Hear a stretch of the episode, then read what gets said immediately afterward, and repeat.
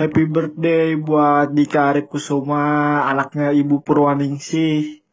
Panjang umur, sehat selalu, semoga mendapatkan universitas yang dia inginkan.